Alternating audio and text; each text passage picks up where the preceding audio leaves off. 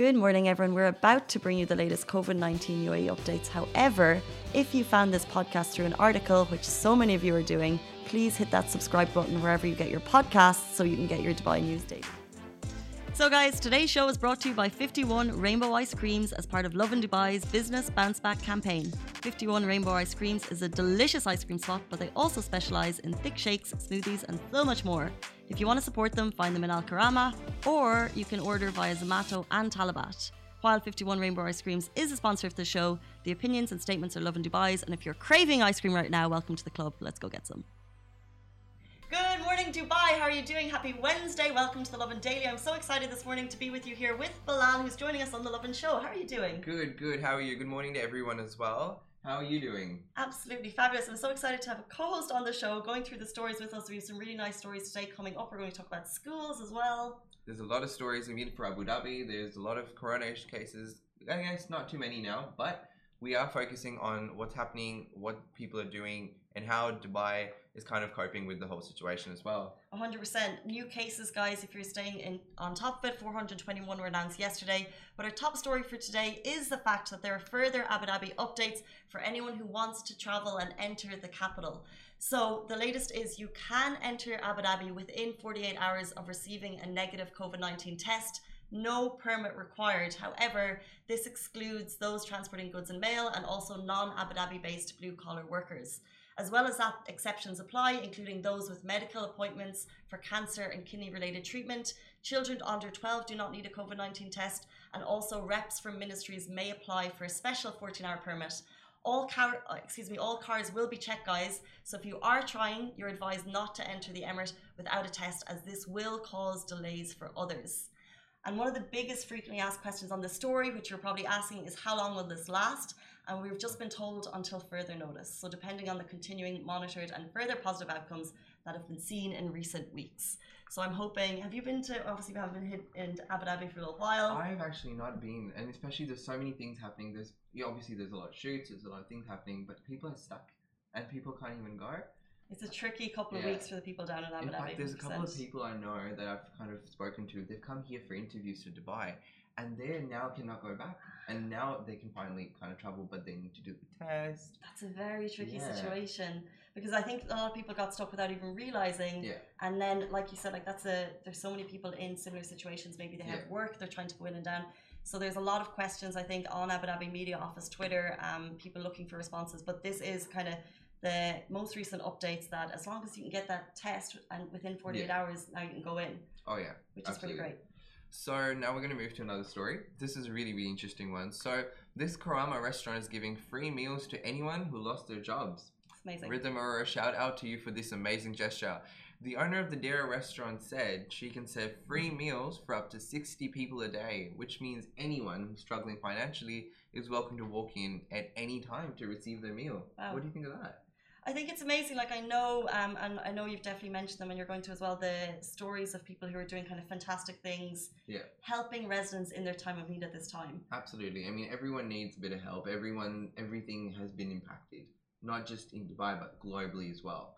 Um, so this thing is, there's one more story of residents helping residents from the hotelier who offered up for to free offered free yeah, rooms. that was a great story. The photographer who's taking final leaving snaps, which is kind of sad, and the entrepreneur who offered an apartment for free for two months Yeah. for those who need a helping hand. It's been amazing. It's been amazing to see the spirit of generosity stand strong throughout the pandemic. Hundred percent. And like you mentioned, a few nice ones. The final leaving snaps. So we talked about Yeah. this. Uh, her name is Paula Haney. So shout out to her. She was getting up every single morning at six a.m. to take anyone who needs to leave Dubai. Yeah. It's just like a memento, and she's a photographer, Yeah. so she was taking those snaps in front of the Burj Al Arab. Yeah. So giving um, memoirs to people to take memories back with them. Exactly. And just using Yeah. the skills that she has to help them. But I think the amazing thing about the story that you said about Kobe Sizzlers is the fact that, like like you said, all um, industries are impacted. The restaurant industry Oh, absolutely. has been impacted so hard, and the fact that she's still giving 60 free meals a day, I think is amazing. I mean, you'd be surprised. There's so many restaurants and so many cafes and so many places that are actually closing down because of these. There's so many people who've had to let go of their employees and all of that and kind of short size and kind of come down to a really small budget.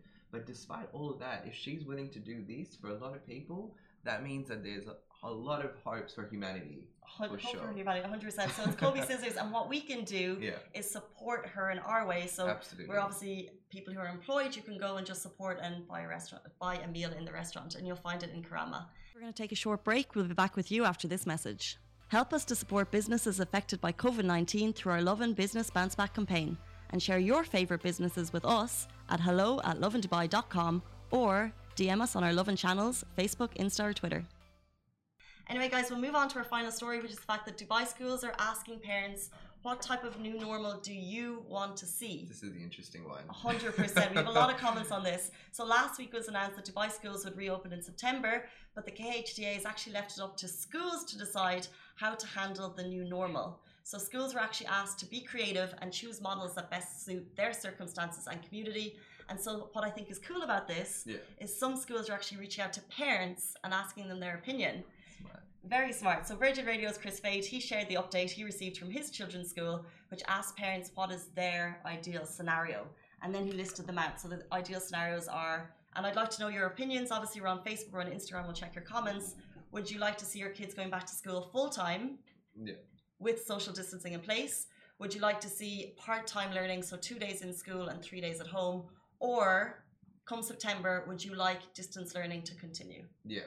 So that's the question that we're throwing out to you guys. What are you thinking? What, what did you get from the comments? I mean, I was saw? kind of going through people's comments as well earlier, and, and, and we were having a discussion on this. But I Yeah. think people have really strong opinions about this because obviously, you know, some are working from homes, as you mentioned, some were working from offices, and they have different opinions, right?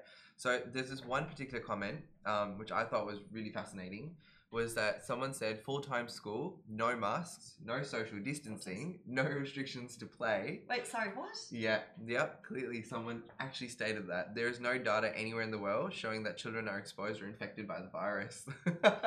But the, exactly, intense, but yes. I 100% people are um, allowed their opinions, so I understand that. But For I, sure, I just absolutely. think the tricky thing there is Yeah. um, because there's no social distancing, what happens is kids can spread it and then you bring it home. Exactly. So I don't, yeah. I mean, I just think the risk involved, right?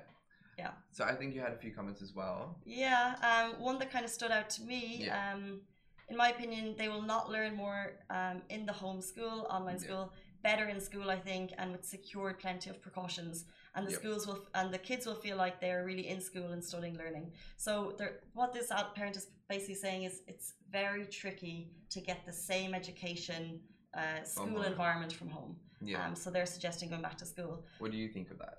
Well, what do I think of that? I think you kind of touched on it briefly there about what's very interesting is like there's no happy medium for these for parents because if you are working from home for the next nine months, you it's very difficult to Yeah. teach your child Hmm. and work. Yeah, If you have sure. to go to the office, you can't have your child at home. They need to be Yeah. in school. So I think that's where, um, and then of course you have to think about all of the health risks as well. Yeah. Um, as a non-parent. Yeah. Which is uh, why it's really interesting that they put out this survey, the- these scenarios to parents to know what suits them the most. And I think all they found out is that there is no happy medium, and it's a very mixed bag of reactions, and parents have very strong opinions. It's actually really get. exciting to know what they're going to finally decide Yeah. because we have no idea based on these mixed kind of comments. Well, if we look at it from our perspective Yeah. as non-parents, however, if we take away school, think about the office. Yes. What is your happy medium? If you've been working from home for quite some time, I know that. Yeah. Would you like to be office full time? Would you like to be home full time, or would you like a mixed I think it would be a bit of mix. I guess Yeah. the thing is, um, when you go to the office every day for a really long time, you kind of get like, all right, cool. And then in, I think the first week or the second week of, of the lockdown, I was really happy, and I was like, oh, cool, you know, got a bit of a break. It's a bit more chill. But then over time, you kind of miss that. You miss going to the office. You miss your colleagues. And so I think it's it's good to have a bit of a, a mix between the two. Hundred percent. Um, it's just, and then I think if it's a full office, I kind of would think that maybe fifty percent go in two Yeah. days a week, fifty percent go in three days a week, and do Makes it like that. sense. Um, Absolutely. that feels in like it just feels safety wise. Maybe it's Yeah. better. Absolutely, especially considering like hundred percent, uh, everything's operating hundred percent. So Mm. like now, I guess people are just starting to be like, all right, stay in the office, stay in the office, but they don't realize the long term impact it might have. Hundred percent exactly. Um, so guys, that was the update from the KHDA. Uh, is the fact that schools can choose the model that best suits them. So it'll be very interesting come September to see how busy schools we are. have yet to wait. We'll Not that we have see. kids, but still, they just have to wait.